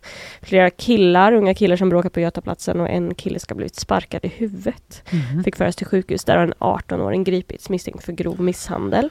Ja, ja. Och sen inträffade bara någon timme senare vid halv tre vid, eh, på Avenyn också utanför hotellrubinen så ska det varit fler killar som har börjat bråka då. Eh, ingen ska besökt eh, eller behövt söka vård där men ytterligare en 18-åring greps misstänkt för misshandel och narkotikabrott. Mm. Stökigt på stan. Oj, oj. Höstlovsstök får man väl kanske säga då. Mm. Ehm, sen eh, tänkte jag prata lite eh, om lite rapporter som kommit om gängkriminalitet och utmaningar som man ställs inför. Jag och vi har ju rapporterat den senaste tiden eh, väldigt mycket om Ja, det kan våldsdåd. lugnt säga, Mm, ja. Mm. Eh, framförallt kopplad till Stockholmsregionen, eh, Uppsala och Stockholm. Mm. Eh, och eh, vid flera tillfällen där då så har ju väldigt unga personer gripits eh, misstänkta för Mm. så grova brott som till och med mord. Just det. Eh, nu är det flera P4-kanaler som gått samman eh, och gjort en sammanställning som konstaterar att 1700 mindre, minderåriga eh, tror sig röras i, röra sig Mm. i kriminella miljöer. Jag tror du skulle säga flera P4-kanaler som gått samman för Palestina. Nej. Det var ett skämt om P4 Sjuhärad. Eller Som- nej, jag blandar alltid ihop det. P4 Skaraborg var det som var i den där. Hade Skitsamma. Det var sju här. Var det? Mm, Jag kommer, Ja, jag de kommer som faktiskt fattar inte fattar, ihåg. skitsamma. Det här hade ingenting... Bra jobbat av oss! Det här hade Förvirring. ingenting med Israel och Palestina att Nej. Nej, nej. Det är också Nej, ska ha lite nej, självförtroende i mina referensskämt också, inte förklara referensen utan fattar man så fattar man. Men eh, där är jag så pedagogisk och liksom inkluderande att jag gärna vill ta det. Det är bra att vara tydlig. Nu handlade det inte om det, de har gått samman för att P4 gör vad då sa du? De har gjort en sammanställning om hur många minderåriga som rör sig i kriminella miljöer. Mm. Och där har man konstaterat att det är 1700 säger man nu då. Eh, en ökning med 400 personer jämfört med förra året den här sammanställningen gjordes då. Herregud. Eh, ett förfärligt bekymmer beskriver Erik Nord eh, det som. Han är ju numera chef för utredningsenheter här i polisregion Väst. Tidigare polischef. Chef i, här i Region Väst ja. Eh, Anders Thornberg då, han är ju rikspolischef. Han har sagt att runt 30 000 individer i Sverige har koppling till organiserad brottslighet. En siffra som både forskare, eller forskare har kritiserats. Var kommer den här ifrån? Och polisen har inte riktigt redogjort för det heller. Speciellt. Ja. men i alla fall då fler minderåriga som rör sig i de här miljöerna. ja. Eh, å andra sidan då så kommer rapporter om att antalet avhoppare ökar. Mhm. Eh, förra året fick polisen in 124 ansökningar eh, från kommuner som vill ha statligt stöd för att eh, få hjälp med avhopparverksamhet. Redan i år är vi uppe i 166 ansökningar, så Mhm. där ser man en ökning. Och eh, det är statligt stöd som söks till just kommunerna för det är de som har ansvar för det här. Ja. Socialtjänster som ska ta ansvar för de här personerna. Men eh, det sätter lite press på de här kommunerna. Det är inte helt enkelt. Delvis behöver man göra massa åtgärder. Och en utav, ett av problemen som pekas ut är att det inte finns någon nationell eh, samverkan mellan socialtjänsterna. Mhm. För avhoppning liksom. Ja, alltså polisen har ju nationell samverkan när det kommer till avhopparverksamhet och så. Att man pekar ut och hjälper till och så. Men eftersom det är socialtjänsten som ska ta hand om det här. Mm. Det kan ju bland annat innebära liksom att man behöver flytta, byta Ja, bostad. bostad, ja, eh, man kanske, ja. Hemlig identitet, alltså det Ja, finns men ju en hel exakt, apparat och som måste sättas igång kan man ju Eh, gissa. exakt, och säkerhetsaspekten i det då. Och sen så, många av de här också som kommer in eh, och vill söka om hjälp har ofta så här, missbruksproblem, sömnsvårigheter. Mm. Alltså man behöver också en del traumabehandlingar och så. Resurser kräves. Så är det. Och kommunerna säger då att det är, trots att det kanske är glädjande att folk vill hoppa av den här verksamheten så är det tufft att ta hand om de här personerna. Det förstår man. Mm. Tack för den uppdateringen eh, Isabella. Vi ska vidare med eh, bakvagn och fler eh, nyheter. Vart ska du ta oss Fanny egentligen? Till Lund. Till Lund! Ja. Underbart!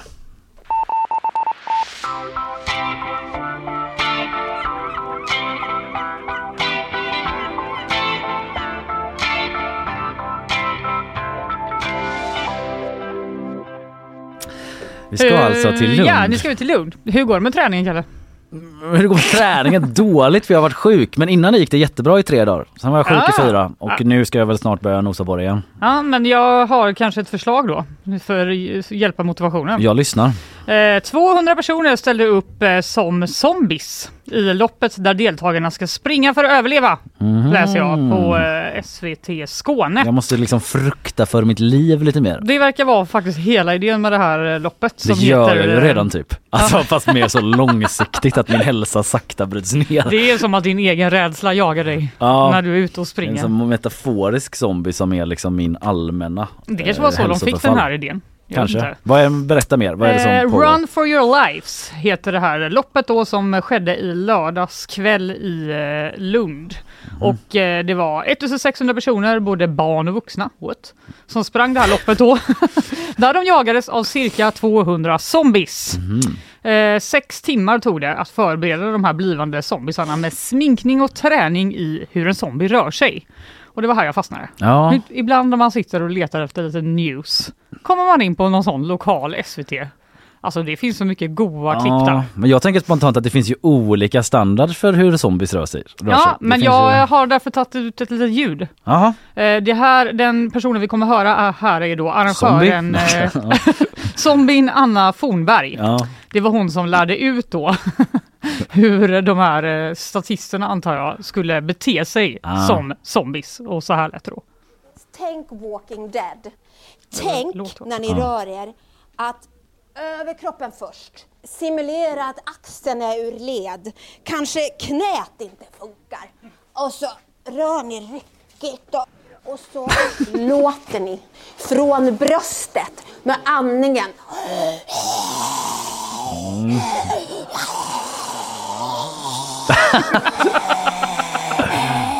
Alltså, Tänk jag- om det hade varit efter det och ute och sprang. jag måste bara säga att jag är ju en av få personer i norra Europa tror jag som har sett samtliga avsnitt av Walking Dead. De Va? flesta började ju droppa av där efter ett Vet du, tag. jag såg ett avsnitt, jag blev så jävla rädd. Jag vågade inte kolla Ja, klart. jag, jag, var jag så hatar ju typ så skräckfilm men där, där kom jag in i liksom, för det är inte riktigt skräck på det sättet men äh, det här, jag måste ändå säga att det var ganska, det var väldigt väldigt likt hur de låter i Walking Var Dead. det? Walking Dead är ju långsamma zombieskolan. Det finns ju de här, det finns ju någon sån um, Train to Busan eller vad den heter. Det- Som jag inte ens har sett men alltså en annan eh, koreansk eh, zombiefilm där de är mycket snabbare. Ja, nej, men det obehagliga är ju Tror att de är långsamma. Att de kommer så. Ja. Och sen bara dyker de upp. Mm. Hon var väldigt skicklig på att eh, härma det ljudet i alla fall. Ja, men jag vet inte om det här kanske är något för... eh, Men då är det inte så svårt att... omotiverade. Alltså du vet om man är typ en duktig löpare i det loppet. Då ligger du ju flera, bara på flera kilometer Ja, före de här zombiesarna väldigt snabbt. Att du har inte de flåsandes i nacken, de är jättelångsamma. Om de ska gå så här, släpa sig fram. Ja, alltså även typ bara, en, "Hej då, en ganska losers." dålig löpare tar sig ifrån dem ganska snabbt. Men de kanske bara mer dök upp. Du vet när de såg att någon Så började kan det sacka varit, ja. efter lite så bara... Just det. Ha! Just det, det var inte så att de var i så startgrupp två typ. så Nej. körde de iväg. Men jag tycker ändå att det är ganska starkt jobbat av Lund att skrapa ihop 200 personer och lära ut dem liksom, hur man är Walking Dead-zombie. Jättebra jobbat Lund. Mm.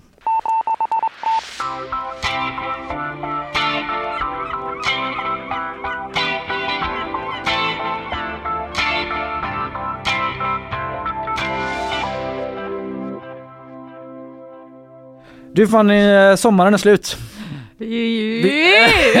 det är en nyhet. Nu är den slut i hela landet läser jag på Omni. Det Ja, kanske alltså- inte kommer som en chock Nej, men eh, det har ju, den känns ju den känns slut. alltså, men viss, ändå ledsen. vissa som jag då som går och väntar på att den meteorologiska hösten verkligen ska vara inledd. Nu kan vi liksom eh, sound the alarm. Nu kan du here. ta fram dina vinterkläder. Ja, det är Stoppa ner dina sommarkläder. Enligt SMHI har meteorologisk höst eller vinter nu inträtt hela vägen ner i landets sydligaste delar. Och det är då att dygnsmedeltemperaturen ligger under 10 grader i fem dagar i följd.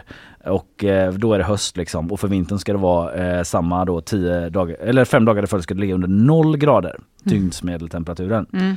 Och eh, det betyder eh, att, eh, det är bara liksom, för alla som gillar typ så lite roliga sammanträffanden. Mm. Eh, att övergången från sommartid till vintertid den skedde exakt samma dygn då som sommaren officiellt tog slut. Jaha. Så det finns något väldigt rent, något väldigt ändå. i att det inträffade på samma tid. Ja. Så för alla som har den lite så små ehm, aspiga säger man väl inte nu för tiden. Det säger man inte, eh, men, eh, nu har du redan sagt det, så- liksom, synen på att man gärna vill att saker ska vara, liksom, gå i linje. Grattis till er!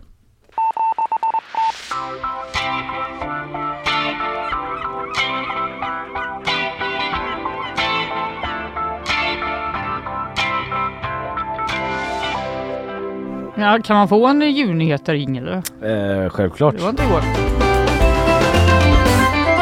Djurens djurnyheter Jag tror att jag vet det Det blir djurnyheter Djurens djurnyheter Vad är det det heter? Just det, djurnyheter pappa Du den här nyheten är för gullig. Jag bara Berätta. varnar alla där ute för att det här är för gulligt. Det handlar om räven Holger som leker med barn i Tavelsjö. TV Gullighet Så jävla gulligt. ja. Så här står det på, nu är det SVT Västerbotten vi är inne på här. ja. De levererar. Eh, dagbarnvårdaren Åsa Holmberg i Tavelsjö utanför Umeå har inga problem att få barnen att gå ut på gården. Orsaken är räven Holger som sitter utanför huset och väntar på att barnen ska komma ut och kasta pinnar till honom. Ja. Så jävla gulligt. Men förlåt, vad var hon? Dagmamma? Dagbarnvårdaren. Dagbarnvårdare Vad är det? Som det heter nu för tiden tydligen. Ja, det heter Ja. tydligen. Eh, det var i juli som Åsa Holmberg för första gången träffade på eh, räven Holger i skogen. Det låter lite som en sån här nyhet som är gullig nu men kan eh, sluta Spårar- mindre gulligt. När han Men, äter upp ett barn. låt höra. Ja. Ja, eh, han blev jagad av ett gäng skator som jag skrämde bort och efter det dök han upp här på gården. Mm. Hjälp, det finns fler fåglar. Åsa! Kan du ta bort fåglarna? Nu kommer han på besök varje dag och sitter till och med och väntar då på att barnen ska komma ut och leka med honom både på morgonen och eftermiddagen. Och Holger är inte ensam. Ibland kommer också räven Henny på besök, men hon är lite skyggare. Okej. Så Eh, den beter sig som eh, en rena rama hunden. Ja, eh, SVT har ju då såklart varit där för att dokumentera detta eh, Självklart. i rörlig bild. Eh, och eh, då kommer Holger fram flera gånger när barnen leker och när de ska gå in på lunch så står han utanför huset och ser ut som att han väntar på att de ska komma ut igen. Det är som att de, han dras till barnen. Mm, nu börjar det bli lite obehagligt. Är jag någon sorts eh, liksom pjoskig medelklass-curlande förälder som känner lite typ att om det var på vår förskola, man bara Ska den räven vara här? Nej, men du, det du liksom- får titta på det här eh, klippet. Det är också så att han inte lämnar, han fångar pinnarna men han ger inte tillbaka dem till barnen. Han bara Ja. Di-di-di-di-di, springer iväg. Och eh, här har de intervjuat eh, fyraåriga Tove som säger att eh, de tror att rävarna kommer hit för de är så nyfikna på vad vi barn gör. Mm. Mm. Det låter också väldigt gulligt kan jag tänka mig. eh, När det inte är återgivet av dig också. Så. Men det var okej när du gjorde det också. Måste ju härma ett barn, det orkar faktiskt Nej göra. det behöver du inte. Eh, det står så här också då, de har ju faktiskt gjort lite eh, nyhetsjournalistik här också. Ja. Typ, kan rävar bli tama? Eh, ja, de ungrävarna kan bli närgångna under sommarhalvåret och ibland kan de ta, in, ta sig in i bostäder. Men det går oftast över, så då hoppas vi att Det här säger någon form av expert på det hela. Källa Länsstyrelsen. Källa Länsstyrelsen. Vi kan ju hoppas att de då ser då när den här övergångsperioden är så de kan skydda barnen sen. Ja. När räven bara Vi förvildade food. runt första advent där när den ska in i Lucia-tåget. Så kanske den bara ballar ur helt. Man säger också att eh, om man inte vill ha en räv på tomten så ska man inte eh, typ kasta pinnar till den. Nej, det står inte. Det står att man ska inte mata den. Nej. Eh, och eh, man kan också, så står det så här, hur ska man skrämma bort räven? Det brukar räcka med att vara typ en människa. Mm. För att de De är ju väldigt De skygga. skygga. Jag har sett rävar på liksom 100 meter tidigare och bara då stack de ju iväg. Ja, jag vet inte vad, eh, jag vet inte, Holger och Henny kanske har det jävligt tråkigt där uppe Mm. i Umeå helt enkelt. Så eh, följer skriver jag i kommentarstråden under den här nyheten. Lite så. Hur ska det gå?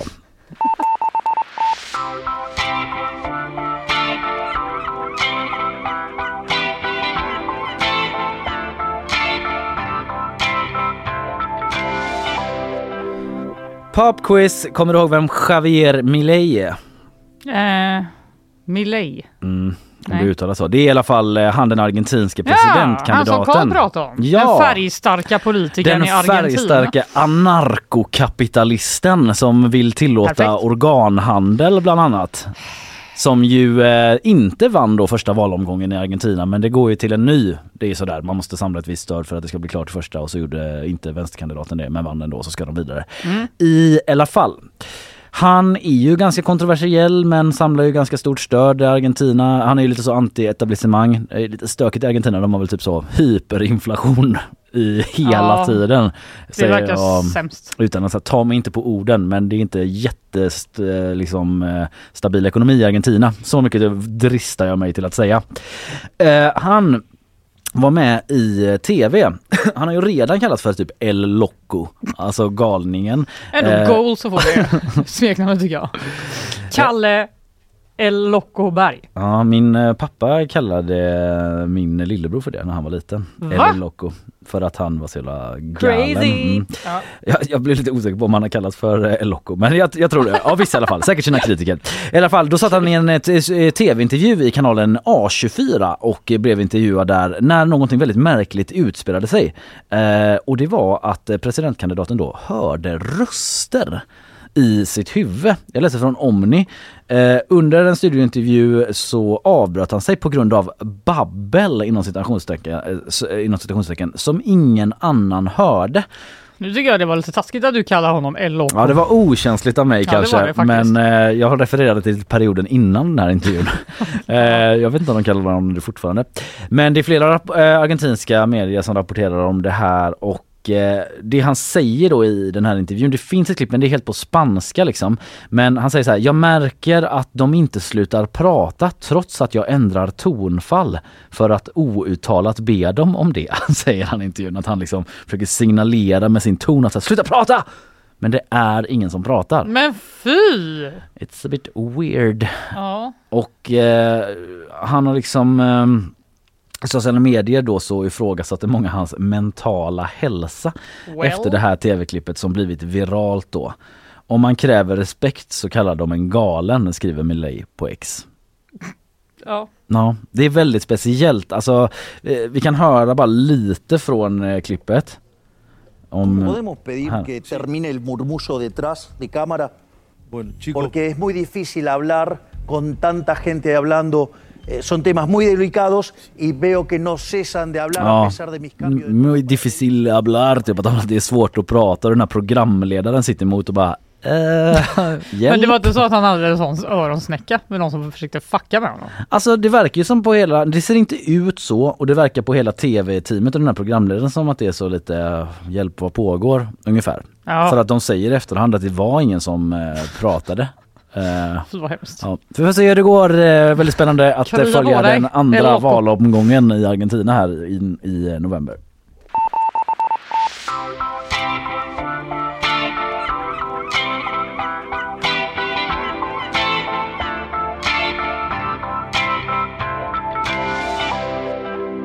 Några grejer till innan vi med va? Ja, men vad sägs om att världens godaste ost har utsetts? Det sägs, eh, låt höra, vad är det från? Virus. Är det Grevea? Hushålls? Det är absolut Har de gått på det inte spåret? en godaost. Nej. Tyvärr. Jag är, jag är svag för godosten. Jag vet att det inte är liksom eh, 100% Det är inte ens credit. ost. Nej, Det jag smakar vet bara det. smör. Men jag kan Men tycka det är absolut. lite trevligt ibland. Det kan väl vara trevligt. eh, nej men det är faktiskt världsmästerskapet i ost som har avgjorts i norska Trondheim. Ja, I Eh, Norge, okej. Ja, i Norge. I konkurrens med över 4500 ostar så blev det hemmaseger. Till världens bästa ost 2023 utsågs Nidelven Blå En blåmögelost från Gangestads gårdsysteri i Inderöj kommun utanför Trondheim. Det, det, för den oinvigde låter det som en skrällseger. Norge Ja. är väl inte ostens land Jag tycker också det är lite så här, mm, det var i Trondheim och det var en ost från Trondheim som vann. Ja, det låter lite Med konkurrens med över 4500 andra ostar. fishy. Det är som när Harry Martinsson vann eh, Nobelpriset typ, fast de var med i Vänta lite nu. Var det inte typ. du som bestämde att du skulle få det? Ja. Nej, men eh, det är helt otroligt. Det är så stort. Vi har gjort ost i 25 år och det här betyder så mycket, säger vdn eh, Maren Gangstad som har gjort den här osten då. Jag vet inte, känslor för blåmögelost? Eh, Jag tycker det är okej eh, när man har det i eh, typ en sås eller på pizza och sådär. Mhm. Helt okej, men jag sitter inte och knaprar på det liksom fredag kväll. Jag tycker Bara det är rakt av. så äckligt. Ja du tycker det? Mm. Det smakar ju mögel. Varför skulle jag vilja äta mögel? Eh, Jag ja, kan äta en godaost. Till exempel. till exempel en helt smaklös godis. Exakt. 260 domare deltog i alla fall i den här bedömningen. Eh, så jag vet inte, alla de 260 kan ju inte varit från Trondheim, får vi anta. Nej. Eller? Eh, det var också eh, Guild of Fine Food, The World Cheese Awards, som eh, genomförde den här tävlingen för 35 gången och det var 40 länder som deltog. Mm. Så det framgår inte vilken eh, svensk ost som var med då och tävlade, men Nej. eh, säkert en god. Kloster. Förra året gick priset till en gruyèreost från Schweiz. Har de osthyvel i Norge? Vet inte. Det är bara Sverige som har det, typ, brukar det ju heta. Osthyvel Norge. Vi återkommer på Instagram efter sändning.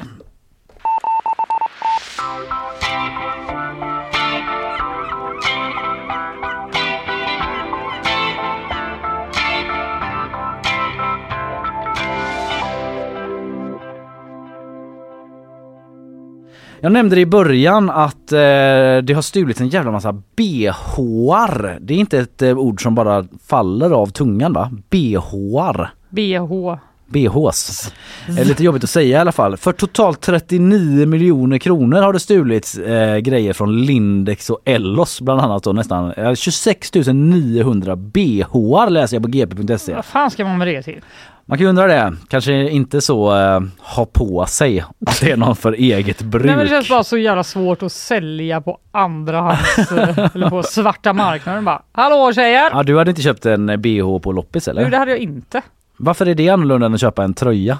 Alltså det är ju inte så Därför att det, det är så ditt... nära kroppen. Men det är ju ett par byxor med. Nej, Jag fattar lite om Det det är är- så det är kalsonger och underkläder tycker på är mitten som vi säger i det där Det är programmet. mycket svett. Ja. jo, jo, men det är ju verkligen det på Och er övre mitten av kroppen är Jag det säger också. kör, köp BH på loppis. Nej! är det typ någonting som jag ska driva en kampanj? Det var, alltså jag förstår inte vad problemet är tjejer. Ansiktet Det är väl bara att köpa en. Ansiktet utåt för att köpa BH på loppis. Jävla creep typ. Ja, men det var du själv som satte dig i den här situationen nu. Under två nätter stals kläder för 35 miljoner kronor eh, i en nattlig kupp där Ellos och Lindex då eh, blev offer för detta. Det var här eh, handlade om en container jag säger en container, men då menar jag jättemånga containrar som kom från. Bangladesh till eh, Göteborgs Varför, hamn. så, varför tar man inte liksom lite dyrare kläder? Ja, men jag Jag tror... har mycket kritik mot de här tjuvarna. Ja, eh, de har också blivit eh, dömda här då så de Jaha. har kanske en del att lära. Det var nämligen så att när man skulle öppna de här containrarna då så saknades det några och man kontaktade transportfirman och var så här, har ni hämtat eh, 27 000 BHR? Mm. BHs, BHR, BHR säger vi va? Japp. Sa de i telefon då. Och de bara nej det har vi inte gjort. Däremot kunde de se då via GPS-sändaren att de hade förflyttats de här eh, containrarna. Och de hade förflyttats till ett skogsparti i Lerum. Eh, och där då så hittades de här containrarna övergivna och tomma. Det konstaterade säkerhetschefen på eh, och det här eh, företaget som eh, transportfirman då eh, senare. Jaha. Så det visar sig då liksom att eh, det har varit folk inne på Lindex gård då där det står eh, massa containrar och så har de liksom sågat av någon bygel på en grind där eh, som man sätter i hänglåset, bara helt så. Tagit sig in där, typ som ett så här inbrott i ett källarförråd ungefär. Tagit sig in där och på övningsvakningskamerorna så ser man att någon har kört in då med en lastbil och helt sonika kopplat på släp med container. Och sen eh, en halvtimme senare kommer de tillbaka, kopplar på en till container. Då har de väl varit ute i Lerum där eventuellt, emellan, eller kanske någon avlastningsstation emellan. och bara vad fan ska vi? Lerum, där finns ett skogsparti. Ja, det är ingen som Ställ bryr dig sig om Lerum. Ställ dig i Lerum. Det är ingen Men som letar där. sjukt. Vad opraktiskt. Och det låg barn och damkläder där då, bland annat alla de här bh-arna. Och eh, eller så gjorde en eh, polisanmälan och, eh, och eh, man har kollat på detta och till slut då så har man lyckats gripa några personer. Eh, man har då eh, fått något av uppgifter om att du undrade liksom hur man skulle göra sig av med alla de här grejerna. Då. Ja. Det finns uppgifter att de skulle fraktas eh, vidare till Dubai och Belgien. Jaha. Eh, jag vet inte om det finns en stor andrahandsmarknad där. Det känns som att de... Nej, Det var ju ännu mer förvirrande på något sätt. Ja, sannolikt skulle de säljas utomlands säger Viktor Törneke som är kammaråklagare. Eh, och eh, berättar också att det är oklart hur mycket de skulle tjäna på det här upplägget säger han. De bara, ja, rimligen borde det bli dyrare och typ ens lösa den här grejen än vad de kommer tjäna på det. Men vad vet vi? Ja, de fem- kanske har gjort en jättebra kalkyl av det här. 50 000 för en container säger någon här. Det var inte rimligt pris på begagnade kläder så det kan handla om 30, 000, 30 till 40 000 kronor. Eh, påstod eh, Ja, så har det sagts, det låter förundersökningen typ. De har också i den här, eh, i det här tillslaget då, där de snodde massa kläder, så har det även förekommit eh, en jävla massa eh, energidryck. som de också har kommit Som de över. har druckit eller? Nej, som de då Som de har också... stulit. Så här, två männen eh, kommer också ställas inför rätta för grovt bedrägeri misstänkta för att ha välselett personal på ett företag i Borås att lämna ut monsterdryck, det vill säga energidryck till ett värde av cirka 810 000 kronor. Drickan hittades i en lastbil vid partihallarna i Göteborg i mitten av april. Så det är liksom ett separat bedrägeri då, att man liksom lurar till sig en jävla massa Vilka monster. hustlers! Ja det får man säga. Det får man verkligen säga. Precis som du Kalle. Fast en snäll hustler. Ja, Sveriges snällaste hustler. Jag vet inte riktigt om jag eh, kommer sätta det på mitt CV. Är jag? På vilket sätt menar du att jag är en hustler? Fanny? Men du är inte det. Jag ville bara Du ville bara- du ville bara- Så, Låt mig säga random jävla sätt. saker så här sent i programmet. Man kan eh, läsa hela den här artikeln på gp.se. Idag har vi lägga. pratat om också mer eh, genomarbetade saker så som att eh, det har varit eh, en mobb som stormat in på en flygplats i Dagestan. Visst Fanny? Så var det. De var på jakt efter judar som kom i ett plan från Israel. Mycket obehagligt. Jag har pratat om Matthew Perry också, skådespelaren känd för att ha gestaltat Chandler i Vänner då, Mm. som eh, gick bort. eh, Han hittades i lördags då, 54 år gammal. Vi har också pratat lite om hur egentligen det går med avskaffandet av eh, sommartid. Mm. Det pågår en process i EU som är lite lagd på is. Mm. Sen hade vi bes- besök Isabelle Schierenbeck eh, som eh, forskar kring israelisk utrikespolitik vid Göteborgs universitet bland annat då och pratade om Benjamin Netanyahu bland annat och eh, lite hans politik och hans stöd. Hur ser det ut för honom i eh, Israel bland annat? Det var ett Mm. ganska matigt Det samtal. var väldigt intressant. Det var det. Sen eh, var det en, helt, eh, en hel del grejer i bakvagnen också. Men det tänker jag inte rabbla upp igen. Det får ni lyssna på podden helt enkelt. Producent idag Carl Jansson. Du heter Fanny Wijk, jag heter Kalle Berg. Vi är tillbaka imorgon. Då kommer skolminister Lotta Edholm hit. Så är det. Det blir mycket intressant. Du och Linnea möter henne i en intervju. Hör av er om ni har frågor till henne Ja, det får om ni gärna skolan. Hej så länge. Hej hopp!